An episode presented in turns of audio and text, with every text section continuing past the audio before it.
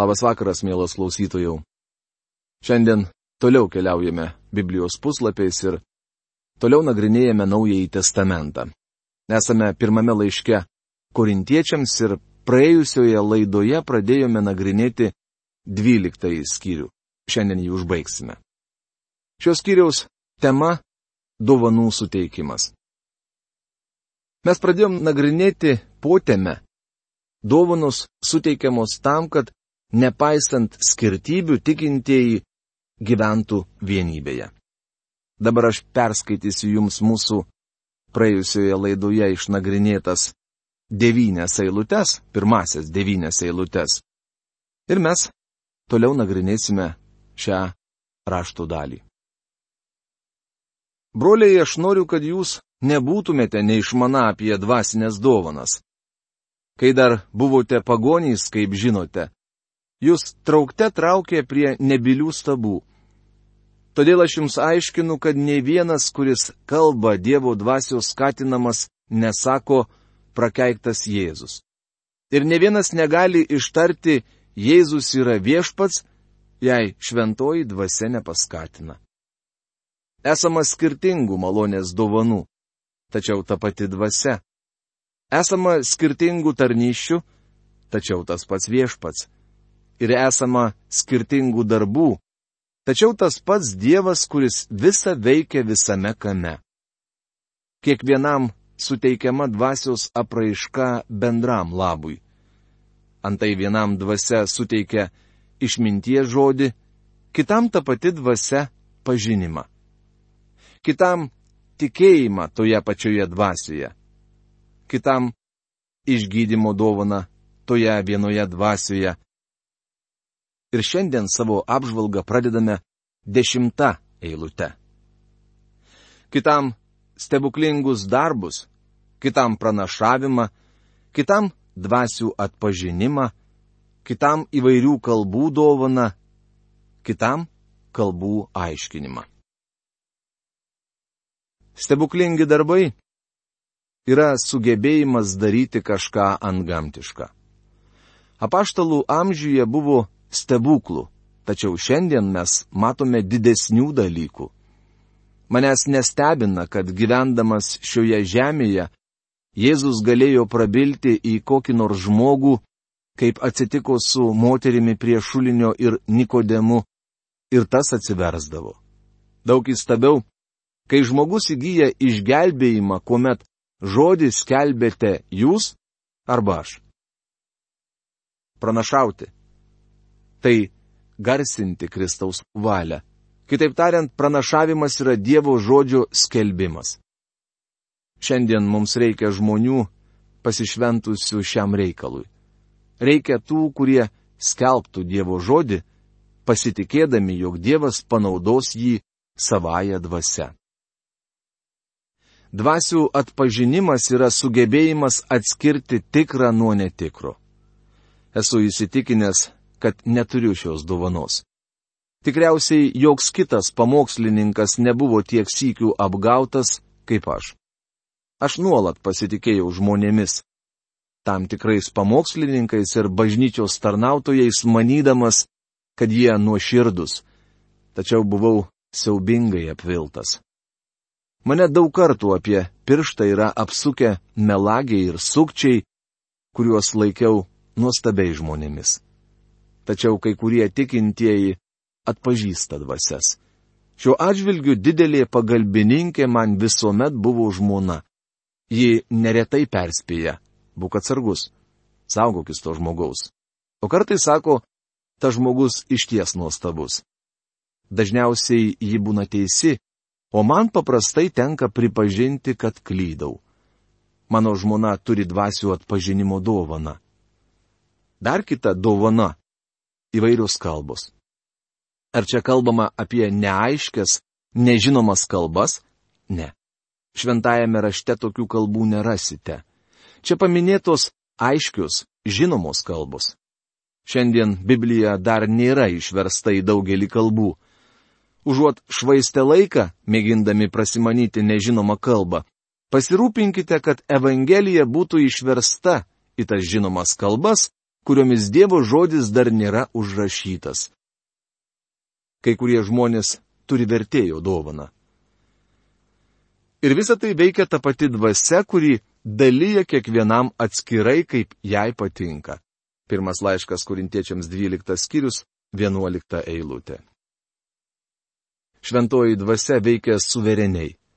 Visgi mes galime melstį Dievą aukštesnių dovanų, ką Paulius netrukus sakys korintiečiams.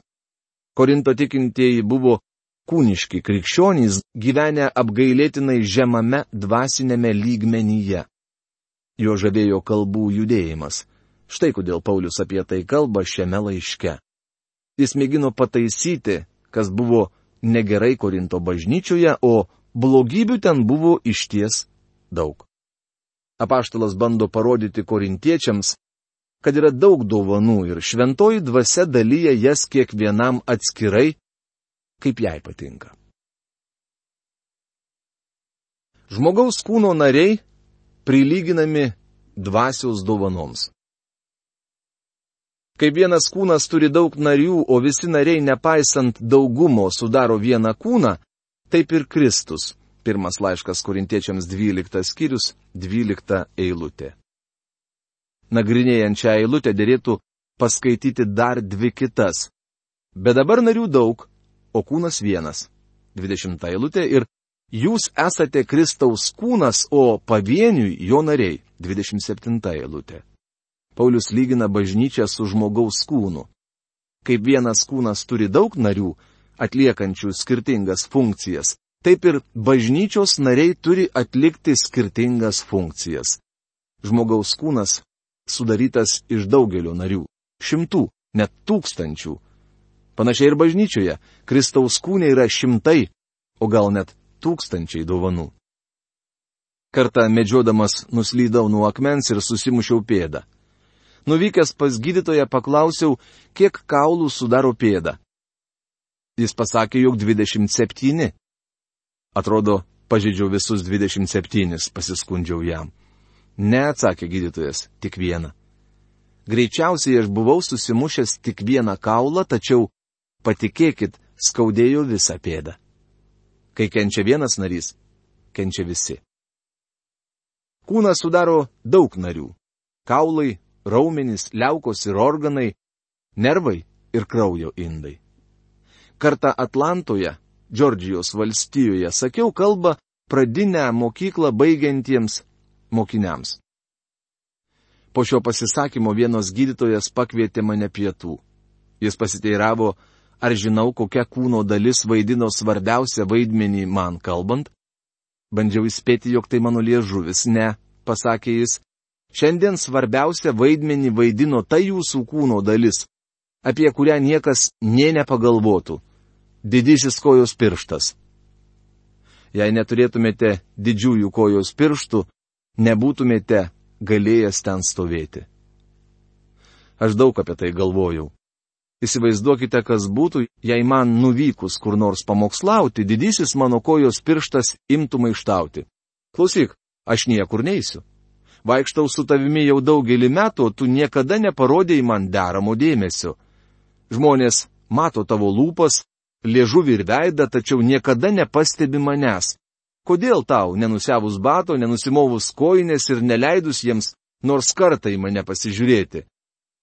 Nemanau, kad žmonėms būtų įdomu pamatyti mano didįjį kojos pirštą. Jis nėra labai patrauklus. Tiesą sakant, visai nepatrauklus. Visgi tai svarbi mano kūno dalis. Kristaus kūną sudaro daug narių. Kai kurių iš jų mes niekuomet nematome.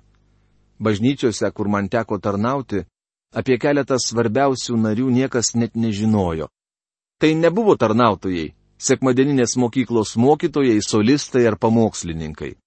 Būdami tylus ir neįkyrus, jie meldėsi ir naudojo savo tikėjimo dovaną. Kaip žmogus tampa tikinčiųjų kūno nariu? Mes visi buvome pakrikštyti vienoje dvasioje, kad sudarytume vieną kūną, visi - žydai ir graikai, vergai ir laisvieji, ir visi buvome pagirdyti viena dvasia. Pirmas laiškas korintiečiams 12 skyrius 13 eilutė. Čia paminėta šventosios dvasios krikštas. Būtent šventoji dvasia patalpina mus į tikinčiųjų kūną ir kiekvienam nariui suteikia dovaną. Turime funkcionuoti šiame kūne ir naudoti savoje dovaną. Galimas dalykas, kad Kristaus kūne esame didieji kojos pirštai, atliekantis nematomą, bet svarbų tarnavimą. Kiekvienas iš mūsų turime dovaną ir kiekvienas privalome funkcionuoti. Juk ir kūnas nėra sudėtas iš vieno nario, bet iš daugelio. Jei koja imtų ir pasakytų, kadangi aš neranka, tai nepriklausau kūnui, tai argi dėl to jį nepriklausytų kūnui? O jeigu ausis tartų, kadangi aš ne akis, tai aš nepriklausau kūnui, tai argi dėl to jį nepriklausytų kūnui? Jei visas kūnas te būtų akis, tai kur pasidėtų klausa? O jei visas klausa, tai kur uoslė? Pirmas laiškas korintiečiams 12 skyrius 14-17 eilutės tarkime, imtų ir sugrįžtų kalbų dovana, kurie egzistavo paštalų laikais. Net ir tuo met ne kiekvienas tikintysis kalbėtų kalbomis. Paulius naudoja analogiją su mūsų kūnu. Mūsų kūnas nėra vien liežuvis. Man teko sutikti keli žmonės, kurie iš tiesų atrodė esą viso labo liežuvis. Tačiau jie išimtis. Šventoji dvasia neduoda visiems tos pačios dovanos.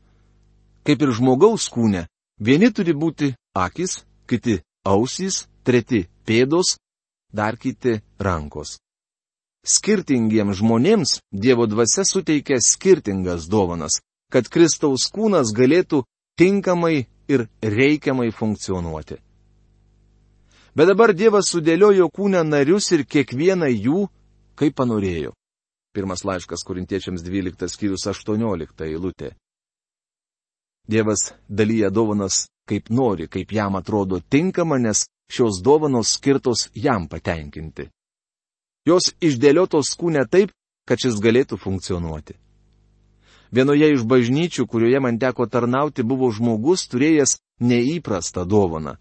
Jis nebuvo tvarkos prižiūrėtojas, tačiau stovėdavo salės gale ir jei pamaldų metu kildavo koks triukšmas ar šurmulys, tu jau pat viską sutvarkydavo garsiai pravirkus kūdikiu, vienas iš tvarkdarių greičiausiai paprašytų motiną išeiti su mažyliu iš salės ir galimas dalykas taip ją papiktintų. Tačiau šis vyras turėjo dovaną. Jis prieidavo prie motinos, kelias minutės pažaisdavo su kūdikiu, o tuomet pasakydavo, beje, pas mus yra kūdikių kambarys, gal norėtumėte, kad jūsų kūdikį ten nuneščiau, arba parodyčiau, kur yra šis kambarys. Motinos visuomet priimdavo jo pasiūlymą. Minėtasis vyras tiesiog mokėjo bendrauti su žmonėmis. Jis turėjo retą dovaną, labai reikalingą bažnyčioje. Gal jums pasirodys keista, kad vadinu tai dovana? Žinoma, tai dovana, kaip ir gebėjimas virti, kepti ar siūti. Daugiau apie dovanas mes galime sužinoti iš Biblijoje užrašytų atsitikimų. Ananijas ir Safyra turėjo dovaną, tačiau ši pora nepasidavė Jėzaus Kristaus viešpatystiai ir jų dovana nepasitarnavo viešpačiui. Taigi jie krito negyvi prie Simono Petro kojų. Jėdu negalėjo likti ankstyvojoje bažnyčioje. Ananijas ir Safyra turėjo dovaną, bet nenaudojo jos kaip dėrėjo. Taip pat skaitome apie moterį vardu Dorkadį, kuri turėjo dovaną siūti ir naudojo ją paisydama Kristaus viešpatystės. Ši tikinčioji savo dovaną naudojo pagal dievų valią. Jai mirus, Simonas Petras nuvyko į Jopę. Tuomet apaštala apspito našlės ir ėmė jam rodyti drabužius, kuriuos buvo pasivusi Durkadė. Tai buvo vieninteliai drabužiai, kuriuos turėjo šios vargšės moterys. Dorkadė ir jos dovana buvo tokia svarbi ankstyvosios bažnyčios laikotarpiu, kad Petras ją net prikėlė iš numirusių, jos dovana vis dar buvo reikalinga. Simonas Petras taip pat turėjo dovaną. Sėkminių dieną jis pasirodė kaip puikus pamokslininkas. Dievas nuostabiai naudojo šį vyrą. Kai Dievui nebereikėjo jo dovanos, Petras mirė. Jis nebuvo prikeltas iš numirusių. Mano draugė, Dievo dvasia yra suvereni. Tai jis sprendžia, kas svarbu, kas ne. Jei Dievas pašaukė jūs iškepti pyragą ar pasiūti suknelę, tai ir darykite. Tai dovana. Šventoji dvasia nori, kad mes naudotume savo dovanas paisydami Jėzaus Kristaus viešpatystės. Jei visuma te būtų vienas narys, tai kur beliktų kūnas? Bet dabar narių daug, o kūnas vienas. Akis negali pasakyti rankai, man tavęs nereikia, ar galva kojums, man jūsų nereikia. Priešingai, tariamai silpnesni kūno nariai yra kur kas reikalingesni. Pirmas laiškas korintiečiams 12 skyrius 19-22 eilutės. Mes reikalingi vieni kitiems. Viešpats nori visus mus naudoti. Tuos kūno narius, kuriuos laikome mažiau garbingais, mes apsupėme ypatingą pagarbą. Ir mūsų gėdingesnieji nariai gaubiami didesnio padarumo, kurio neprivalo mūsų padorėjai nariai. Taigi, tvarkydamas kūną, Dievas skiria daugiau pagarbos tiems nariams, kurie jos stokojo, kad kūne nebūtų susiskaldimo ir patys nariai rūpintųsi vieni kitais. Pirmas laiškas korintiečiams 12 skyrius 23-25 eilutės. Tikriausiai esate matę, kaip mažas berniukas atlieka sportinius pratimus ir kilnoja svarščius. Taip jis stengiasi išvystyti raumenis ir įgyti jėgos. Panašiai Dievas rūpinasi tikinčiųjų kūnų, kad būtų ugdomos mažosios dovanos. Manau, kad šiandien bažnyčioje yra daug dovanų, kurias būtina ugdyti. Galbūt jaučiatės esas visai nenaudingas viešpačiui.